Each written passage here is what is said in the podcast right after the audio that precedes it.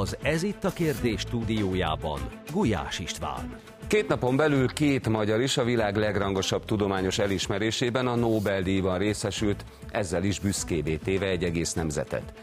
A kritikus véleményformálók egy része mégis megdöbbentő narratíva építésbe kezdett, magyar származású, Magyarországról elüldözött tudósokról írnak.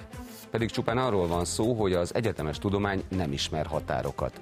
Az agyelszívás jelensége globális egyenlőtlenségeket okoz a világban, de vajon mennyit ér a magyar tudás, mint export cikk? A mai adásban elsőként erre keressük a választ, majd arról beszélgetünk, hogy sorsdöntő választás előtt áll Lengyelország, de vajon a globalisták vagy a szuverenisták kezébe kerül az irányítás? Ez itt a kérdés, kezdünk!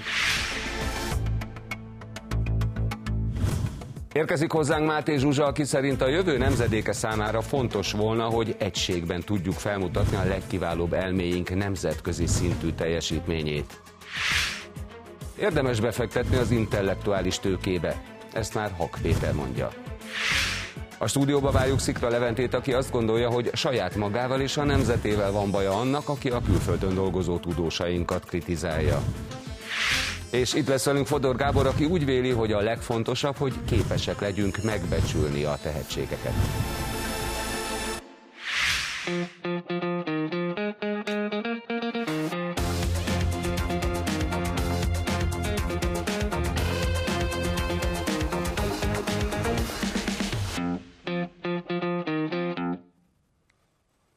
Jó estét kívánok, üdvözlöm a nézőket, és köszöntöm azt a társaságunk vendégeit. Szervusztok, köszönöm, hogy eljöttetek. Szervusztok. És Nobel-díj. Miért van az, Gábor, kezdjük veled. Miért van az, hogy miközben tényleg világra szóló uh, siker éri a magyar kutatókat, ezáltal áttételesen a magyar nemzetet is, akkor mindig megszólalnak a szirénhangok, és mindig, mind, mindig van, aki talál benne valami, valami kivatni valót, nem is keveset. Hát ha nem arra szól István, és a többiek sem, eh, mielőtt én válaszolnék erre a kérdésre, mert eh, egyébként maga a téma fontos, és, és nagyon lényeges, hogy foglalkozunk vele, Szerintem nem lehet elmenni egyszerűen amellett, hogy, hogy néhány napja mi történt a világban. Hát látjuk ezt a borzalmat, ami, ami Izraelt érte, látjuk ezt a példátlanul kegyetlen, szörnyű, felháborító és visszataszító támadást, amit a Hamas intézett civilek ellen Izrael révén, és Izrael ezzel lényegében belekeveredett egy háborús helyzetbe. És azt gondolom, hogy ami ott történik, egyfelől emberi oldalról is felkavaró, borzalmas, tehát hogy nem lehet szerintem elmenni anélkül, mert az ügy mellett, hogy azért néhány szóval nem mondjuk azt, hogy mennyire fel vagyunk háborodva egy, egy ilyen borzalman Másfelől pedig hozzánk is kötődik az egész történet annyiban, hogy szerintem Izraelnek a léte, Izraelnek az államisága az mindig a kereszténységnek egyfajta fundamentuma. Tehát nagyon nem mindegy, hogy hogyan gondolkodunk Izraelről, Izraelben mi történik, mert ez a mi világunkat is befolyásolja. Jó, akkor ezzel menjünk egy kört. Végülis mondhatnám azt, hogy örülök neki, hogy ezt behoztad, de azt gondolom, hogy erről külön műsorok tömegét fogjuk még csinálni de akkor, akkor tényleg, Zsuzsa, te mint gyakorló anyuka. Hát igen, igaziból az embernek az ilyen zsigeri érzései az elsők. Gyakorlatilag azt hiszem, hogy nem nagyon fogtuk fel, hogy mi történik még. Tehát tényleg né- néhány napja derültékből a villás, villámcsapásként. Tényleg váratlan volt, mindenki szám, Izrael Történt ez a konfliktus, és hogy az ember egyre többet olvas róla, meg látja egyszerűen a brutalitását, az, hogy, hogy kisgyerekek halnak meg, hogy ártatlan civilek életéről van szó, hogy túlszul ejtett emberek retteghetnek. Ez, tehát erre nehéz szavakat találni, és sajnos, hogyha ha megnézzük a konfliktust, illetve az ember elkezdi modellezni, hogy mi történhet abban a térségben, milyen dominók indulhatnak el, akkor ez egy borzasztóan aggasztó gondolatokra adhat okot, tehát hogy tényleg ebben a konfliktusban adott esetben egy világméretű konfliktusnak a, a kockázata is ott van, és innentől kezdve tényleg az ember a saját gyerekeire is gondol már, a saját nemzetére gondol, és, és hát kicsit tehetetlenül állunk ebben a pillanatban. Amit tehetünk elsősorban az, hogy imádkozunk, az ott élőkért. Tegnap egyébként a, a keresztény egyházak kiadtak egy ilyen irányú buzdító üzenetet, hogy mindenki tegye ezt meg, aki ezt jó szívvel teszi, és, és hát nyilván fölemeljük a hangunkat ez ellen az elképesztő terrorista akció ellen. Péter? Igen, ugye nyilván sok helyen elhangzott, hogy ez Izrael modernkori történetének legsúlyosabb katasztrófája, ami most történt. Egy teljesen kiprovokálatlan E, brutális támadás, hasonló se volt a holokauszt óta, ennyi zsidó embert ilyen rövid idő alatt sehol nem öltek meg. E, asszonyokat, gyerekeket, idős embereket, túlszulejtettek, civileket, ugye drámai, hogy az áldozatok 80%-a civil, tehát ma már az izraeli sajtóban minden, minden áldozatnak a neve megtalálható. A katonák, a 900 áldozatból a katonák száma nem éri el a 200-at a mai napig és a civilek voltak az első számú célpont. Azt gondolom, hogy azért a világnak nagyon sok illúzióval le kell számolnia, tehát le kell számolnia azzal, hogy a, hogy a barbárság got kinőtte a világ a fejlődéssel. Itt olyan barbárságot láttunk, amit csak az, az iszlám államnál láttunk pár évvel ezelőtt. Ugye nagyon feltűnő az, hogy ebben szerintem szörnyebbek, mint a sztálinék vagy a fasiszták voltak, mert azok nem tették címlapra a rémtetteiket. Amit most látunk szörnyűséget, azt az elkövetők filmezik és büszkén teszik ki a, a, a világhálóra, és úgy érzik, hogy ezzel szimpátiát tudnak kiváltani, és az igazán nyugtalanító, hogy vannak, Sajnos akik igen. körében ki is tudnak váltani gyerekek lefejezésével, halottak meggyalázásával, és más ehhez hasonló borzalmas cselekedetekkel. Tehát azt látszik, én egyetértek, amit az izraeli miniszterelnök mondott, hogy a Hamas az ugyanaz, mint az, mint az iszlám állam volt, ugyanaz a brutalitás, ugyanaz a könyörtelenség, és hát az is világos, hogy azért évtizedek óta mentek itt a tárgyalások, próbáltak, hogy Izrael területeket adott a békéért, ugye Sinai félszigetet ki, kiürítette, Dél-Libanonból kivonult, Gázából kivonult, és ezek a béke béketárgyalások nem tudták a, a Hamaszt meggyőzni arról, hogy ők valójában egész Izraelt akarják megsemmisíteni. Tehát itt azért az is egy fontos elem, amikor a Hamas és a nyugati támogatóik szabad Palesztináról beszélnek a folyótól a tengerig, akkor gyakorlatilag Izrael teljes területéről beszélnek, hogy tehát egy, gyakorlatilag egy, egy zsidómentes közel, közel-keletet szeretnének létrehozni, és ebben vannak nemzetközi szinten támogatóik, nem is kevesen európai városokban néhány száz fős gyertyás megemlékezés Izrael oldaláról, és utána 5000 fős tüntetés a másik oldalon, akik annak ellenére támogatják a Hamaszt, amelyen szörnyűségeket látnak. Ezzel szerintem mindenkinek, az egész civilizált világnak számolni kell, hogy az ellenség az nem olyan, nem magunkból kell kiindulni, amikor az ellenség terveit és szándékait nézzük, hanem, hanem a realitásokból. Levente? Azt gondolom, hogy az első megdöbbenés után nyilvánvalóan az első szó az valóban az, hogy elítéljük és el kell ítélnünk azt a támadást, ami Izrael szemben történt. Az nyugodtan mondhatjuk, hogy terrortámadás, és valóban az is mutatja, hogy ők ezt a közösségi médiában reklámozzák. Ez egyébként valóban pont a terrorszervezetekre, a terrorra jellemző az, hogy még büszkék is arra, amit elkövettek. Ugye jellemző az is, hogy vállalni szokták a tehát a más bűnözők általában titkolják, meg megpróbálnak nem lebukni. A terrornak jellegzetessége, hogy büszkén vállalják és hirdetik a tettüket, és mondják, hogy ők voltak. Tehát elképesztően durva, elfogadhatatlan, brutális támadás érte Izraelt, és, és ebből a szempontból sajnálatos módon kapott különös aktualitást az Alapjókér Központ által tegnap szervezett Izrael párti konferencia, amely eredetileg pont a békéről és az Ábrahám megállapodásokról szólt volna, és, és hát látható, hogy ezt a történelem, ez a durva támadás sajnos felülírta, és arról kellett beszélni tegnap, hogy milyen, milyen módon tudunk kiállni Izrael mellett, és milyen módon tudjuk ezt a, ezt a támadást elítélni, úgyhogy azt gondolom, hogy, hogy szörnyű a helyzet minden szempontból, és, és nehéz egyelőre higgadtan rátekinteni erre a helyzetre. Legyen béke az olajfák alatt, bár elég távolinak tűnik ez a kívánság. Nem úszod meg, Gábor. Tehát miért van az, hogy a legédesebb tortába, a legszebb süteménybe is mindig vannak olyanok, akik megpróbálják belecsempészni az epét. Hát pedig ugye jogosan teszed fel ezt a kérdést, mert egy fantasztikus dolog, tehát hogy most már tovább menjünk erre a másik témára, egy csodálatos dolog, hogy, a múlt hét azzal kellett szembesülnünk, hogy, hogy jönnek a napok és jönnek a magyar Nobel-díjak. Tehát ez, ez egyszerűen nagyszerű, és azt hiszem, hogy itt... Már a harmadik is elérhetőnek tűnt a hétvégén. Hát igen, igen, drukkoltunk, hogy már lesz egy harmadik, és így van Krasznahorkai László személyében.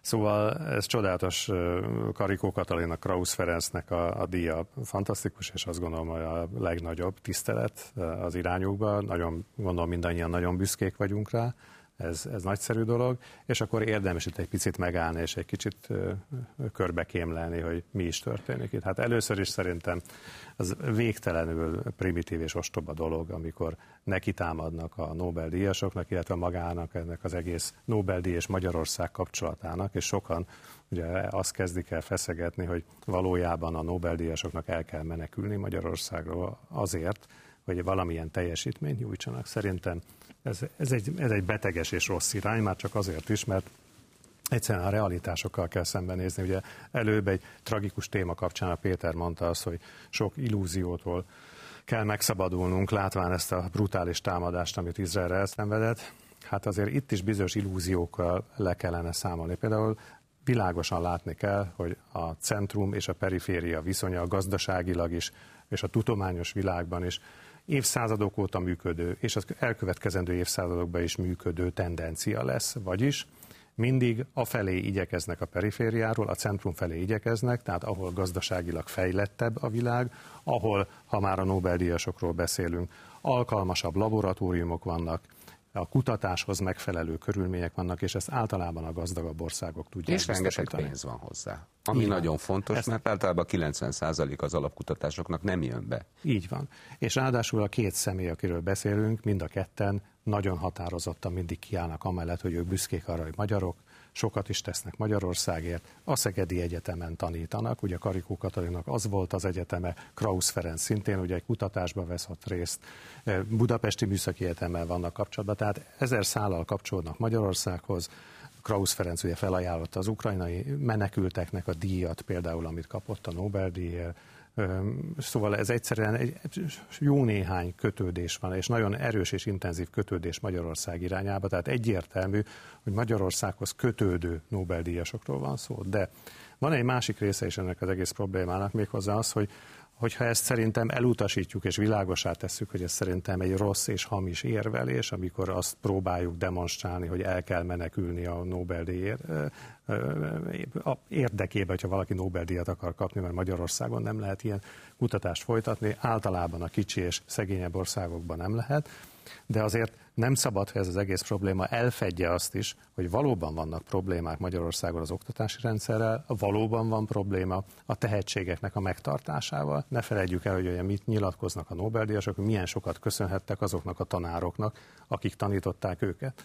És milyen óriási problémákkal nézünk szembe az oktatási rendszerrel hosszú évek, évtizedek óta és nem ez a kormány se tudja megoldani, de sajnos az előző kormányoknak is, hát ez egy olyan feladvány volt, ahol nem tudtunk jól szerepelni, lásd az úgynevezett PISA felmérésekben, hogyan szerepelünk, most már egyébként 2004-2006 óta tartósan, ugye a tendencia lefelével most az utóbbi időben tört meg egy icipicit csak. Tehát ezek figyelmeztető jelek, vagyis nagyon büszkék vagyunk rájuk, én azt gondolom, nagyszerű dolog, hamis az a vád, amivel most Magyarországot vádolják, hogy azért, hogy vagy sokan, hogy hát Magyarországon valaki tehetséges, annak el kell menekülni, ez nem így van, az a helyzet, ez minden kisebb országra jellemző, de az a helyzet, hogy tennünk kell azért, hogy az oktatási rendszerünk és egyáltalán az a közeg, az a kultúra, ahol a tehetségeket tudjuk ápolni és támogatni, az sokkal inkább kedvezőbb legyen. Hát, sőt, tehát ugye olyan is elhangzott, vagy még ennél egy picit erősebb volt az az érvelés, hogy a magyar nemzet nem egyetlen Nobel-díjasát sem becsülte meg, illetve hogy mindegyiket elüldözte, vagy voltak olyan korszakok, amik alatt elüldözték. De ugye ezt a nemzettel az, azonosítani, azokat a általunk egyébként elszenvedett történeti időszakokat beleértve, hogy a tanácsköztársaság idejét, a borzalmas zsidóüldözésnek a korát, akkor a, a kommunizmusnak a hatalomra kerülését, majd az 56 utáni reményvesztettséget, amikor tulajdonképpen a Nobel-díjasaink ebben a zaklatott 20. századunkban odébb kellett, hogy álljanak kényszerek mentén. Tehát, hogy a nemzettel azonosítani ezt, ez, ez egy borzasztó félresiklott gondolat, és, és az önbecsülésünket, egyáltalán az egész nemzettudatunkat egy nagyon hamis kontextusba helyezi, és hogy általában azok teszik ezt, akik mondjuk akár az olimpia rendezés megvétózásával, a mostani sikeres atlétikai elbének a megrendezésével kapcsolatban is mindig olyan fanyalgó megjegyzéseket tettek, vagy arra biztatnak fiatalokat, hogy hagyják el ezt a hazát. Tehát érdemes ezt is megnézni, hogy egy kritikátlan, mondjuk nyugat szeretet vagy rajongás mellett a saját magunkkal szembeni ilyen kicsit önemésztő kritika, az vajon előre viszi-e a nemzetnek az ügyét, amiben minden egyes siker meg kellene, hogy erősítsünk bennünket a nemzettudatunkban. Ugye azt hiszem, hogy Istvánnal egy korosztályhoz tartozunk nagyjából. Mi tényleg abban nőttünk fel, abban szocializálódtunk, hogy, hogy hogy a, a, a magyarok azok mindent elrontanak, hogy, hogy örüljünk, hogy élünk, hogy, hogy, hogy ez egy értéktelen, nehezen alkalmazkodó, stb. stb. Egy nagyon erőteljes elnyomása annak, hogy bárki is büszke legyen arra, hogy magyar. Miközben azt látjuk, hogy azért a tehetségek nem csak a Nobel-díj szintjén vannak, ugye a, amit én látok a tudomány területén, a jogtudományban, az ELTE joghallgatói, hát most már évek óta rendszeresen nemzetközi versenyeken, nemzetközi perbeszédversenyeken, a Yale, a Harvard, Oxford, Cambridge és a világ összes egyéb egyetemének a hallgatóit megverik, anyanyelvi szónokokkal szemben tudnak magyar diákok eh, győzelmeket hozni. Nyilván eh, kiváló professzorok, Kajtár Gábor professzort kell megemlíteni, aki évek óta készíti fel ezeket a csapatokat. Tehát nem csak a Nobel-díjban ragadható meg a magyarok tehetsége, és ezt látjuk kémiai versenyeken is, nemzet középiskolás versenyeken is, hogy nagyon sok tehetség tud kinőni ebből az országból, és egyetértek Gáborral is, hogy sokszor annak ellenére, hogy mi az ország helyzete, mert ugye azért a a, a, a vágyakat azt valahogy a realitásokhoz kell igazítani, és mondjuk társadalomtudományokban e, is nehéz e, betörni a piacra, de hát természettudományokban, ahol a kutatáshoz dollár 100 milliókra van adott esetben szükség, vagy olyan berendezésekre, amit, amit Amerika meg tud finanszírozni, vagy Németország meg tud finanszírozni, de Magyarország a belátható jövőben nem tud ilyen kutatási feltételeket biztosítani.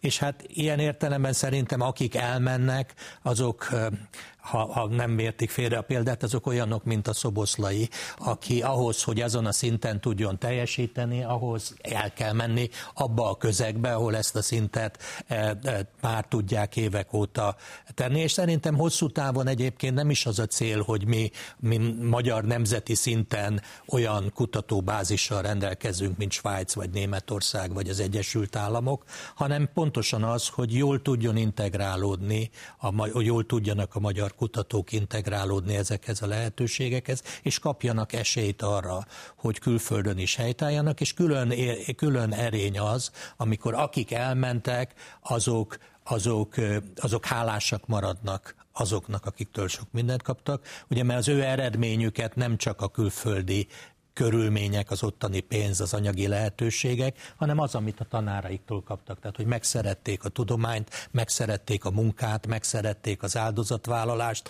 tudnak küzdeni, tudnak túl lenni a csalódásokon. Ezt az ember nem Amerikába tanulja meg 40 évesen, hanem 6 éves, 5 éves kortól már az iskolába, az óvodapedagógusoktól, a tanítóktól, tanároktól, és egyetértek azzal is Gáborval, hogy ez, ez azért megint kell, hogy emlékeztessen bennünket, hogy azért sokkal, de sokkal többet kellene tenni azokért, akik, akik, a, akik útra indítják a gyermekek egész életpályáját. Nagyon fontos ez is, mert a közül a 18 Nobel-díjas közül, akik eddig Magyar, Magyarország nevét örökbítették, ketten vannak azok, akik nem vallották magukat magyarnak. Az egyik németnek vallotta magát, az egy másik osztráknak, mind a ketten magyar származásúak voltak, és az összes többi, bár elhagyta ezt az országot, sem a nemzetét, sem pedig a kultúráját soha nem hagyta el.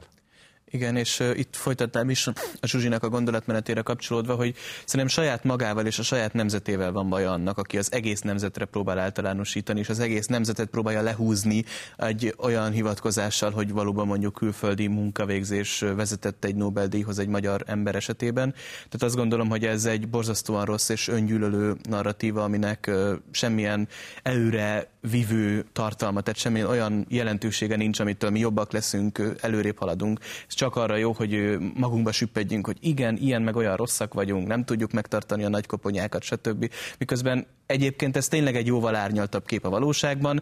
Én azért azt gondolom, hogy azt is érdemes megnézni, hogy kik milyen történelmi helyzetbe és miért mentek el, amire szintén utaltál te is, hogy például Karikó Katalin a kommunizmus alatt ment el Magyarországról. Így van, tehát Karikó Katalint nem a magyarok üldözték el, hanem a vörös hadsereg, hogyha mondjuk egy kicsit profánabban fogalmazunk. Krausz Ferencnek a kutatásait a magyar állam támogatta, méghozzá egyébként nem kis összeggel, ugye ha jól tudom, 20 milliárd forintos támogatást kapott az a program, amit ő vezet, és ami, ami hozzájárult ezekhez a kutatásokhoz. Magyarországon van, Budapesten van irodája, ide is jár, itt is tanít, ahogy ez szintén elhangzott. Tehát nem csak, hogy a kötődésük megvan Magyarországhoz, de egyébként a magyar állam hozzá is járult részben, amikor szükség volt rá, és amikor erre igény volt, akkor hozzájárult azokhoz a teljesítményekhez, amit ezek a tényleg csodálatos, csodálatos koponyák letettek az asztalra. Tehát mindenképpen azt gondolom, hogy a nemzeti büszkeséget kell, hogy növelje ez a dolog, annak ellenére, hogy egyéni, illetve tudományos teljesítményekről van szó, de a magyar nemzetnek a tagjai azok az emberek, akik ezt a teljesítményt letették az asztalra, valóban magyar iskolába jártak, Magyarországon nőttek fel, és ez azt gondolom, hogy tényleg egy, egy nagy nemzeti siker, és nem, nem segít, sőt árt, amikor ezt egy általános nemzeti nemzeti helyzetképre próbáljuk lefordítani, és valóban az a centrum-periféria probléma is létezik, amikor nem valamilyen totalitárius rendszer elől menekülnek a, a tudósok, akkor adott esetben a másik jelenség az valóban talán a nagy kép, ez a centrum-periféria jelenség ez nem jó dolog, és ez mondjuk egyébként nem csak a kiemelkedő koponyák esetében jellemző, hanem úgy általában a képzett munkaerő esetében. Ugye sok vita volt egy tíz évvel ezelőtt Magyarországon abból, amit az ellenzék röközkötésnek nevezett, ami arról szólt, hogy mégis Magyarországon állami pénzen ne Norvégiának, meg Németországnak képezünk orvosokat, hanem aki elvégzi az orvosi egyetem, egyetemet a magyar állam támogatásával, az egy bizonyos ideig legalább dolgozzon itt Magyarországon orvosként. Tehát a probléma az ebből a szempontból egy általánosabb dolog, mert oké, hogy vannak ezek a kiemelkedő személyiségek, és valóban erről is kell és érdemes beszélni, de a képzett munkaerőnek az elvándorlása ebben a centrum-periféria viszonylatban általánosan is jellemző, nem csak Magyarországot érinti a jelenség, ez is fontos, hogy itt minden környékbeli országból sokan elmennek képzett munkaerők, tudósok is, nagykoponyák is. Tehát, de pincérek is. Így van, és a kevésbé képzett, nagy, szintén nagyon fontos munkát végző munkaerők szintén. Tehát ez egy nagyon komoly általános probléma, általános jelenség, és egyébként pont azért sem szabad, és azért sem visz előre, hogyha az egészet egy magyar jelenségnek próbáljuk lefordítani, hogy mi magyarok nem tudjuk megtartani a, a tudósainkat, mert a szomszédos országok és mindenki, aki periféria idézőjelben, az ugyanezzel a jelenséggel küzd. És olyan érdekes, hogy maga Nobel élettörténet, hogyha az ember elolvassa, ott is megfigyelt, hogy a, a Oroszországba mentem, mert a cár tudta az édesapjával együtt először oda mentek kutatni, ugye mérnök volt az apukája, és a cár finanszírozta Szentpéterváron a, a kutatást, majd újra visszatértek Svédországba elszegényedve egyébként, mert egy valami hajóépítésbe fogtak, és újfent nem eh, sikerült otthon eh, találni szponzorokat, és harmadik Napóleon volt az, aki megtámogatta, és csak úgy került utána vissza Svédország. Tehát eh, az, ez a jelenség, ez létezett, tehát magyarán az, hogy a komoly kutatásokhoz pénz kell, nagy pénz kell, Még és hát az erőcentrumok ilyen értelemben természetszerűleg jönnek létre. Kiket Karikó Katalinnal együtt most elismertek, ők, már ők ketten szintén nem a hazájukban dolgozó tudósok egyébként. Így, az Mind a ketten franciák, az egyik az Egyesült Államok, már Így van, tehát ezt is szögezzük le, hogy még gazdag országokból is van ilyen elvonás. Tényleg az a mérhetetlen nagy megtiszteltetés érte az ez itt a kérdést, hogy a múlt pénteken Krausz Ferenc Magyarországon televízióban először nagy műsorban itt szólalt meg, és dolgozunk rajta egyébként, hogy Karikó Katalin is a jövő héten megtisztelje ezt a stúdiót. Reméljük, hogy összejön. De amikor itt volt Klaus Ferenc, megkérdeztük tőle, hogy miért Magyarországra hozta a kutatását. Most ebből a, részlet, ebből a beszélgetésből mutatunk egy részletet. Na most ugye ezt a kutatást, ezt, ezt Magyarországra hozták. Ugye Szegeden van egy intézet, ha jól sejtem, ezzel foglalkoznak, ugye ezzel a kutatással? Tehát a, a, pontosítanék, ez a klinikai vizsgálat, ez az egész országban folyik, összesen 20 nagy klinikai centrummal, köztük a négy egyetemmel, amelyiknek klinikai hálózata van, van szerződésünk ilyen minták gyűjtésére, résztvevők Jó, hát így dolgoznak. Tehát az egész, egész országban jelen vagyunk, és így sikerült több mint tízezer embert rávenni arra, hogy vérüket adják szó szerint értelemben a, a jövő egészségügyért. Bárhova vihette volna a világban, miért Magyarországra hozta? Mert magyar vagyok. Ilyen egyszerű a válasz. Tetszettek hallani? Azért hozta ide, mert magyar vagyok, és egyébként ez egy olyan fontos alapkutatás, ugye itt gyakorlatilag egyetlen egy vér atomból az atmoszánkodnogos fizikai kutatások alapján kimutathatók betegségek. E, és az egész emberiség javát szolgálja majd, hogyha itt sikereket érnek el. Az egész emberiség javát szolgálja az is, hogy működik az agyelszívás rendszere? Hát az a helyzet szerintem, hogy hogy ez nem, én azt gondolom, nem lehet ezt így feltenni ezt a kérdést, persze egyébként... Akkor is fölteszem, tessék, jó, most föltetted, és akkor a válaszom rá az, hogy igen. Persze, hogy az egész emberiség javát szolgálja, mert az, hogyha az amerikai Egyesült Államokban, ahol ugye, amiről beszéltünk, mert ugye ez az abszolút centrum, tehát ha már szóba hoztam ezt a kérdést, akkor ez, ez is legyen világos, hogy Magyarországról és a közép-európai országokból mennek Nyugat-Európa felé természetesen azok, akik például drágább kutatásokban akarnak részt venni, vagy olyan programokban, amelyeket nem tudnak megfinanszírozni ezek az országok. Nyugat-Európába, az Egyesült Államokban mennek ugyanezek a tudósok, és ugyanezek a, a, a jogtudósoktól kezdve a, a fizikával foglalkozó tudósokon át sok mindenki, hiszen ott van rá olyan megfelelő környezet, ahol ezt meg tudják csinálni. És hogyha az Egyesült Államokban mondjuk egy ilyen típusú kutatás, amiről Krausz Ferenc beszél, bár ugye ez most pont Európában zajlik, de mondjuk egy ilyen típusú kutatás működik, annak mindannyian látjuk a, az eredményét, az a helyzet. Tehát Ennek az Egyesült... is fogják látni, Gábor. Tessék? Ennek a kutatásnak is fogják látni, ami most Magyarországon zajlik. Természetesen, természetesen, de, de van, amit meg lehet csinálni. Ugye most azért ennek, a, ugye ez egy sokkal komplexebb kutatás, amiről Krausz Ferenc beszél, tehát annak egy, mondjam, egy ága, a magyar ág, amiről most beszélünk. Egy nagyon fontos ága a statisztikai Nagyon ág. fontos, így van, de nem tudná megcsinálni, hogyha nem a, a Müncheni intézményben dolgozna azokkal a megfelelő gépekkel és az a technikai berendezéssel, ami ott van nekünk, nincs ilyen technikai berendezésünk. Tehát az emberiség, az emberiség javát, a szolgálja, az emberiség javát szolgálja, hozzátenném. Nekünk szerintem az a dolgunk, hogy hogy vannak olyan típusú kutatások, vannak olyan típusú munkák, vannak olyan típusú programok, nem csak a, a természettudományok területén, amiket nem tudnak ilyen pici országok egyedül finanszírozni. De erre van az Európai Uniónak az együttese, egyébként közössége, hogy hogy ebbe segítsen, és erre van, hogy mondjam, az Amerikai Egyesült Államok, ne felejtsük el, azért az atlanti világ ezer szállal kapcsolódik egymáshoz. Tehát Na, nem... De ez a fajta racionális, racionális hozzáállás, amit te mondasz, és azt hiszem mindannyiatokra jellemző, Azért érdekes, mert ugyanakkor, hogyha ezzel kapcsolatban kormánykritikát tudnak belevinni, vagy rendszerkritikát, vagy politikai kritikát tudnak belevinni az éppen fennálló hatalommal szembe, akkor minden gondolkodás nélkül, miközben minden valószínűség szerint ők is pontosan tudják, ezek a kritikusok, hogy ez másképp nem megy, ennek ellenére megfogalmazzák, és hisztériát keltenek vele.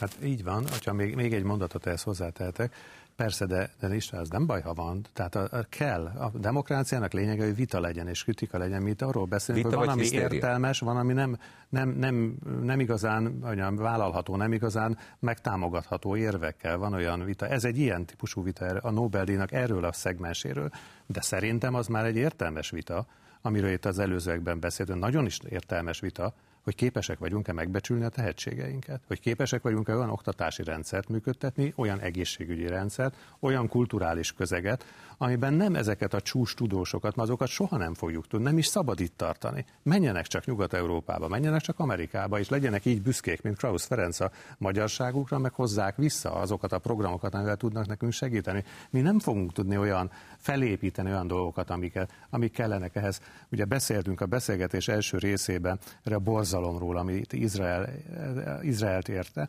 Most gondoljunk csak bele, a világ legfejlettebb országának egyébként a technikai fejlődésnek a katalizátora a hadsereg például az Egyesült Államoknak óriási pénzei mennek az amerikai hadseregnek a fenntartása. A legfontosabb kutatási programok mennek Izrael többek között, amelyik fantasztikusan áll Izrael egyébként a nemzetközi mezőnyben, szintén a kutatásfejlesztésben. Az izraeli hadseregnek köszönhető ez valójában, mert az izraeli hadsereg a világ egyik legfejlettebb hadserege, még akkor is, hogyha most ez őket is sokszerűen érte ez a támadás óriási pénzeket fordítanak a kutatás fejlesztése. Tehát vannak országok, amelyek ezt megtehetik, vannak olyanok, amelyek egyelőre nem, és nekünk egy ilyen nemzetközi együttműködésben kell kihoznunk a legtöbbet ebből. Amivel mi most ehhez hozzájárulhatunk, az az, hogy az oktatási rendszerünket végre rendbe tesszük, hogy végre megbecsüljük. A, a, nem csak a, az oktatási rendszer nem csak a tanárról szól, hozzátenném, egyáltalán nem. Amikor Krausz Ferenc diák volt, meg amikor Karikó Katalin diák volt, ugyanolyan alul fizetettek voltak a pedagógusok, megjegyzem, mint jelen pillanatban. Sokkal bonyolultabb dolog, hogy egy oktatási rendszer mitől jó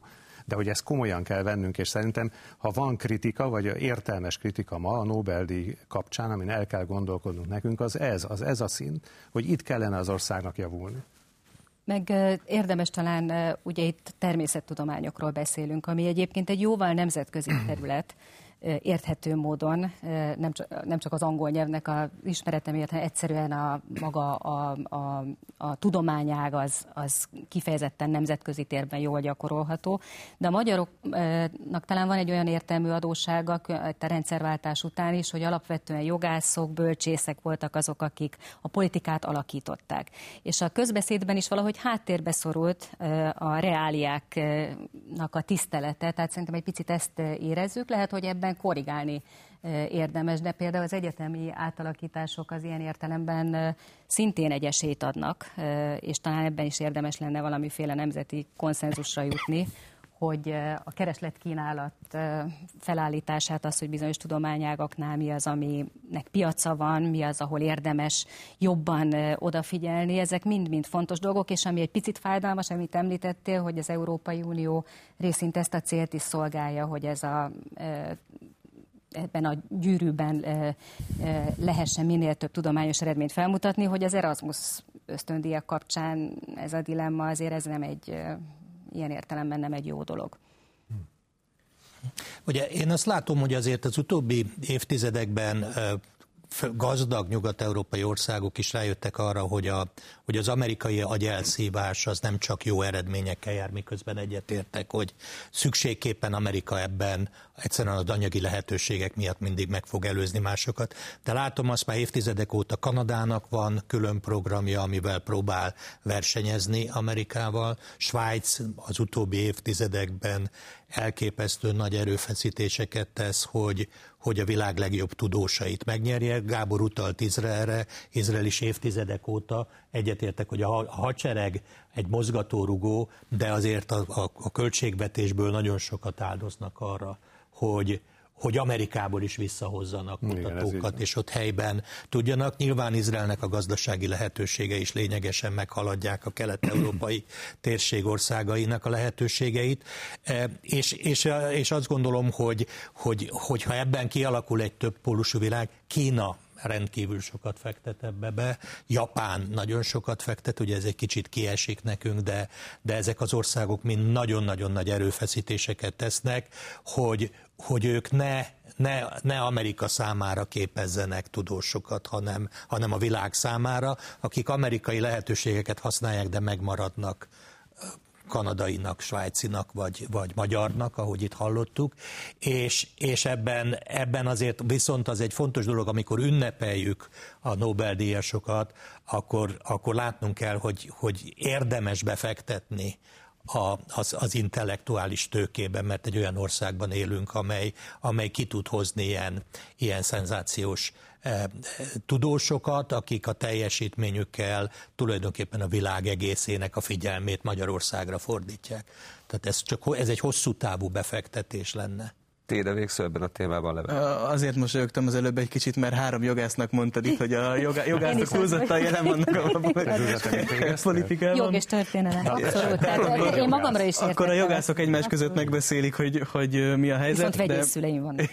De, de egyébként valóban az fontos, hogy itt, én azt gondolom, hogy az, amikor az ellenzéknek, a, meg a, ezeknek a kritikákról beszélünk, az lehet, hogy jogos lenne, hogyha azok a problémák merülnének fel, amit mondtál Gábor, hogy beszéljünk az oktatási rendszerről, beszéljünk arról, hogy hogyan tudjuk a, a koponyáinkból még jobb, kihozni a, a tudást, és még jobban képzett okos embereket ö, ö, előállítani itt a hazánk számára, de nem erről beszél az ellenzék. Az ellenzék arról beszél, hogy mi magyarok rosszak vagyunk, és az is mutatja, hogy, és akkor sorolják példaként, hogy a sok Nobel-díjasunk azok külföldre mentek, külföldön éltek, stb. Hát azért ezek inkább influencerek, tehát tegyük hozzá, hogy most itt nem politikai szinten szólaltak Oké, okay, oké, okay, de az politika. egészből egy nemzet és kormánykritika politikát akartak kihozni, ami azt gondolom, hogy borzasztóan káros, és az Európai Uniót említetted, megint csak nem erről vesz, nem ezt csinálja az Európai Unió. Mit csinál az Európai Unió? Amit Zsuzsi mondott, leállítja az Erasmus program finanszírozását politikai okok miatt, tehát a, a magyar fiatalok ö, szenvedik meg annak a következményeit, hogy az Európai Bizottságnak nem tetszik a magyar kormánynak a színezete, és politikai vitában áll a magyar kormányjal,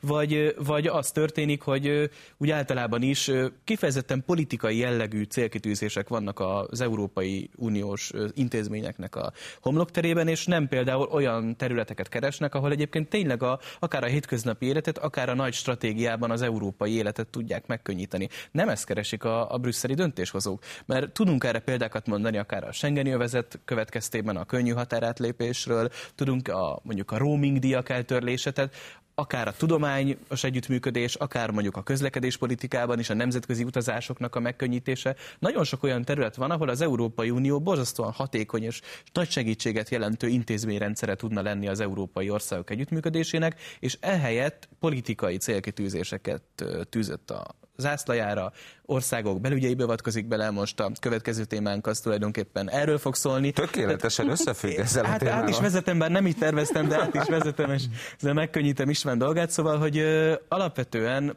ö, nem arra fókuszálnak ezek az intézmények, amire egyébként nagyon, amiben nagyon jó, nagyon hatékony és nagyon jó segítséget tudnának nyújtani, és azt gondolom, hogy ez súlyos probléma Európa számára, és talán ez is összefügg azzal, hogy Amerika jobban elszívja az agyakat, mint Európa. Akkor következő téma. Vasárnap, október 15-e. Ugye vasárnap? Így van. Ha jól tudom. Lengyel választások, és tulajdonképpen arról szól az egész, hogy most akkor Lengyelország legalábbis a, a, a különböző politikai narratívák szerint Lengyelország marad szuverén ország, vagy pedig, ahogy eh, ahogy Morawiecki miniszterelnök mondta, a szavazók eldöntik Lengyelország egy európai land, európai provincia lesz vagy szuverén ország marad.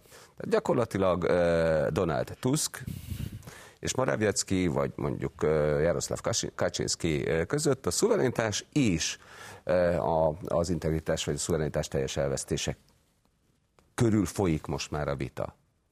Tehát ez reális, hogy az Európai Unióban adott esetben az Európai Unió törzsét képező nagyállamok, vagy az, azok a politikai jellemzők, akik ezekről írnak rendszeresen, a média, az tulajdonképpen folyamatosan a jelenlegi lengyel kormány ekézésében merül ki, és hogyha ez a lengyel a PISZ féle vonal marad, akkor azt mondják, hogy Európában egy, gyakorlatilag egy ilyen e, tragikus állapot állhat elő. Jogos ez? Hát szerintem nem jogos. István, itt mindenképpen kalkulálni kell azt, hogy a választások előtt mindenki próbálja srófolni a tétet, és hangzatos kijelentések hangoznak el. Ezt látjuk egyébként a lengyel választás kapcsán is, részben az Európai Unióban, meg Lengyelországon belül is. Tehát Lengyelországon belül is ugye az egymással küzdködők, ugye a, PISZ, ez egy nagyobb csoportosulás, akik most vannak hatalman, ugye a Kaczynski féle eh, politikai csoportosulás, és a Donald Tusk féle eh, másik Polgári csoportosulás. Platform. Ugye zárójelben érdemes megígézni, ugye, hogy Lengyelországban a baloldal az lényegében ez, ez kivégzésre került a 90-es években, tehát tulajdonképpen egy konzervatív liberális, meg egy inkább ilyen baloldali liberális blokk. Hát mondjuk azt szemben. inkább, hogy kivégezte önmagát. Igen, na, szóval egy érdekes a lengyel képlet nagyon politikailag, tehát én nem lennék ilyen vészmadár egyáltalán. Lengyelország egy, egy nagy ország, 40 milliós országról beszélünk, hatalmas piac, elképesztő gazdasági fejlődésen megy keresztül, hogyha jártak a nézők, ti is, hogyha jártatok az elmúlt években Lengyelországban, én ugye jártam a 80-as években, talán te is jártál, Péter, István, te is jártál, akkor sokan jártak, Levente az ugye. Nem járt. Nem volt Levente. Esély, nem volt esélyed. No, szóval, hogy az elmondhatatlan, hogy mi volt ott a 80-as években a katonai diktatúra alatt, hát, hát borzalmas állapotok, hát a, egy darab konzerv volt gúlába felhalmozva, ugye a boltokba, ezt lehetett a boltokba vásárolni, mindenhol change money kiáltással szaladtak az emberek, az emberfej pokoli méretű alkoholizmus, minden szürkeség, rettenetes dolgok Kemény valuta volt a forint. Rett, így rettetes dolgok történtek. Tehát szörnyű szegénység volt abban az országban. Most, ha elmegyünk, azt látjuk, hogy ami eszeveszett, hogy hova jutottak a lengyelek. Hihetetlen gazdasági fejlődésen mennek keresztül. Tehát gazdaságilag is meghatározó egyre inkább Lengyelország az Unióba, és katonailag is az lesz, látjuk. Az De akkor ezek szerint azért van ez, mert veszélyes a, a, a központ a, a centrumállamok. Nagyon lényeges, hogy mi történik Lengyelországgal. Lengyelország ma ott tart, hogy az amerikai Egyesült Államok egyik legfontosabb, hanem a legfontosabb szövetségese az unión belül. Láthatóan az Egyesült Államok nagyon komolyan épít a lengyel barátságra, és, ne felejts a lengyel együttműködésre, ne felejtsük el, hogy a kampányban ugye előjön, hogy az a lengyelek eleve az oroszokkal szemben végtelen, finoman fogalmazva végtelen szkepszissel rendelkeznek, magyarul nem szeretik őket, és egy óriási veszélynek tartják őket, és ugyanígy a másik oldalról a németeket is. Hiszen Lengyelországot ugye a történelme folyamán ez a két ország rendszeresen felosztotta, egymás között szétosztotta a lengyel területeket. Tehát Lengyelország az Unióban egy kicsit a németeket látja, a német dominanciát, ezért szkeptikus az egész Európai Unióval, és az amerikai Egyesült Államokra épít, ahogy Amerika is Lengyelországra épít. Tehát Lengyelország szerepe szerintem a jövő uniója szempontjából szempontjából egy kulcselem, tehát ezért nagyon érdemes nekünk odafigyelni, és Magyarország szempontjából sem mindegy, hogy mi történik a lengyel választásokon, és független attól, hogy ki szereti a kormányt, ki nem, ki drukkol a Fidesz kormánynak, ki meg azt szeretné, ha minél hamarabb leváltásra kerülne. Én azt gondolom, hogy Magyarországnak az az érdeke, hogy kapja meg minél hamarabb az Európai Uniós pénzeket, mert egy komoly gazdasági krízisben vagyunk, mert ez szükséges ahhoz, hogy ebből ki tudjunk lábalni. És ehhez a lengyel választásokon, hogyha a PISZ sikeres tud lenni, akkor azt gondolom a magyar-lengyel együttes fellépés hozzá fog segíteni. Tehát, hogy ez egy jelentős lépés, ezért Magyarország szempontjából sem mindegy, hogy mi történik ezeken a választásokon. Hát akkor kultúrantropológiai szempontból kimondhatjuk, hogy kriptofideszes vagy, és ezt meg is fogod Igen, ezzel, ezzel együtt azért én azt, az, azt kicsit szeretném kontextusba helyezni, hogy itt a németekkel való viszony milyen, mert ugye Donald Tusk az ellenzéknek a legfőbb jelöltje, a miniszterelnök jelöltje, aki korábban betöltötte már a miniszterelnöki tisztséget, és azt követően utána európai karriert csinált magának, ugye európai tanácselnöke volt, ami hát lényegében az Angela Merkel-el való jó viszonyának volt köszönhető. Tehát ő, Donald Tusk az valójában sok lengyel szemébe úgy jelenik meg, mint a német érdekeknek a megtestesítője, és ezt egyébként a PISZ fel is használja ellen a kampányban, nem alaptalanul Nagyon teszi fontos ezt. kampányelem. Így egyébként. van. Ö, hát ez az egyik, amit szerettem volna én még hozzáfűzni. A másik az, hogy pár évvel ezelőtt én jobboldaliként nagyon irigykedve tekintettem a lengyel belpolitikára, hiszen ott valóban akkor még úgy nézett ki a helyzet, hogy van egy konzervatív, meg egy még konzervatívabb párt, amelyek egymással küzdenek, azért most arra a polgári platform az nagyon erősen balra tolódott, és most arra hát a városok pártjáról beszélünk. Tehát a polgári platform adja a Varsó főpolgármesterét, polgári platform adta ugye Duda elnöknek a, a Varsói főpolgármester személyében a legfőbb kihívóját, tehát a polgári platform az maga lett az az európai fősodratú liberális, balliberális párt. És most már nem az a helyzet, ami pár évvel ezelőtt volt Lengyelországban, hogy két jobboldali párt küzd, most van egy nagy jobboldali blokk, és egy sok több pártból álló baloldali, balliberális tömb. Van egy ilyen 10% körüli kis baloldali párt, de valóban nem, nem tényező jelenleg a, a klasszikus szocialista, szociáldemokrata baloldal Lengyelországban. Ezzel együtt valószínűleg, hogyha a kormányváltás lesz, az csak ezzel a baloldali párttal összefogva képzelhető el, mert olyan forgatókönyv nincs, hogy a PISZ szemben a polgári platformnak önálló többsége lenne. Olyan forgatókönyv nincs, tehát össze kell akkor fogni a kisbaloldali párttal, és még egyéb ilyen liberálisabb jellegű pártokkal van egy ilyen harmadik útelnevezésű összefogás, akik még indulnak.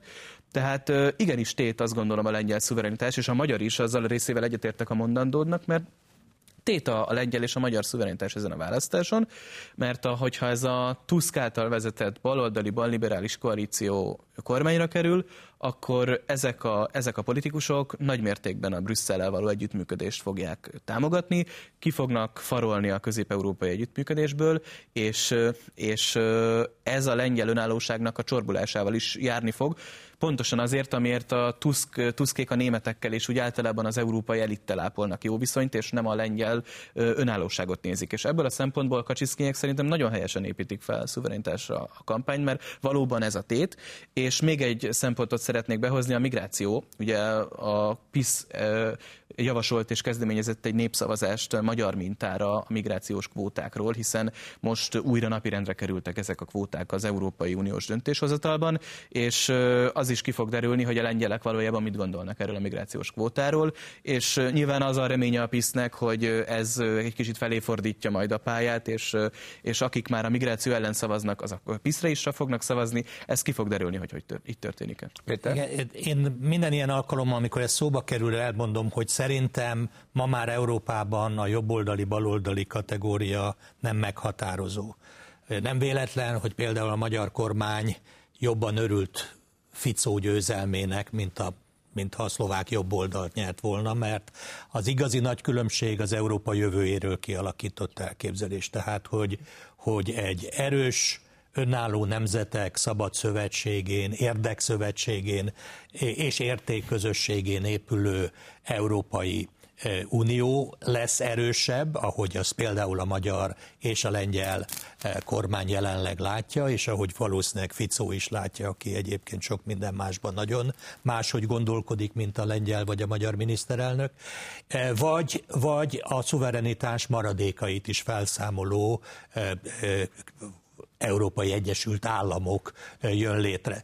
Ugye a én örülnék, ha úgy lenne, hogy mondod Levente, hogy, hogy olyan forgatókönyv nincs, de az elmúlt években sok olyan forgatókönyvet láttunk megvalósulni, amire előtt láss azt mondtuk volna, hogy láss Spanyolország, hogy, hogy, hogy olyan nincs, és nagyon-nagyon-nagyon komoly érdekek és nagyon komoly befolyások jelennek meg annak érdekében, hogy a tuszkék nyerjék meg Ebbe, a ebbe egyetértek, én csak azt mondom, Igen. hogy a kis baloldali pátra is szükség lesz ahhoz, hogy a tuszkék kormányozhassanak. Igen. De, de, tehát én azt látom, hogy Európa jövője szempontjából is nagyon fontos, és a térségünk jövője szempontjából.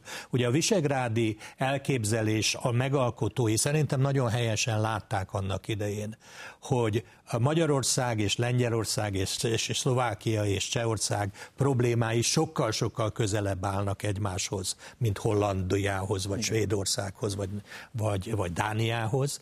E, tehát, e, és ebben az együttműködésben, hogy Gábor is utalt rá, valóban a legnagyobb erő, a legnagyobb tényező, mind gazdaságilag, mind lakosság szám alapján Lengyelország. Tehát a Lengyelországot ebből a rendszerből sikerül kimozdítani az európai Egyesült Államok dolgozó politikai és gazdasági erőknek, akkor tulajdonképpen ez a kelet-európai blokk ez, ez nagyon-nagyon meggyengül, Igen. ha nem is mondom, hogy összeomlik, de nagyon-nagyon meggyengül. Ha, ha a jelenlegi lengyel kormány eh, erős választói felhatalmazást kap, akkor természetesen valószínűleg megmarad még a véleménykülönbség mondjuk az ukrán válsággal kapcsolatban Magyarország és Lengyelország között, de Európa jövője szempontjából ilyen különbség nincsen a magyar és a lengyel kormány között, és ugye azért azzal is számolnunk kell, ha egy picit visszatérünk a beszélgetésünk első köréhez, hogy hát sajnos azért reálisan azzal lehet számolni, hogy a közel-keleti térség nem fog néhány nap alatt visszatérni, sőt valószínűleg soha nem fog visszatérni abba a mederbe, amiben egy héttel ezelőtt volt. E, e, nagyobb esélye van ott az eszkalációnak, mint annak, hogy nem fog bekövetkezni az eszkaláció, és ez azért Európa és ezen belül Kelet-Európa és a migráció kérdését is nagyon meghatározza, mert azért Igen. láttuk azt, hogy, hogy európai fővárosokban e, óriási örömünnepet tartottak a, a, a legszörnyűbb Igen. cselekedetek nyilvánosságra kerülésekor. Annyi, ez nem tudom, biztosan megfigyeltétek, ugye két választás van most gyakorlatilag három hét különbséggel, szlovák és a lengyel. A szlovák választásnál Fico esetében kizárólag az orosz-ukrán háború volt a kérdés. az elemzések szempontjából, hogy hogyan viszonyul ehhez. Lengyelország esetében sokkal inkább európai hatalmi kontextusban vizsgálják az egészet. Hát náluk azért nagyon más tényleg a történeti alap, tehát az, hogy náluk a, az orosz ellenesség, és valóban párhuzamosan ugye a németekkel kapcsolatos szkepszis az, az jelen van, tehát itt ez, ez nem tudja ezt a törésvonalat a két alakulat között felmutatni igazán. Sokkal inkább mondjuk a migráció kérdése, vagy a Brüsszelhez való viszony.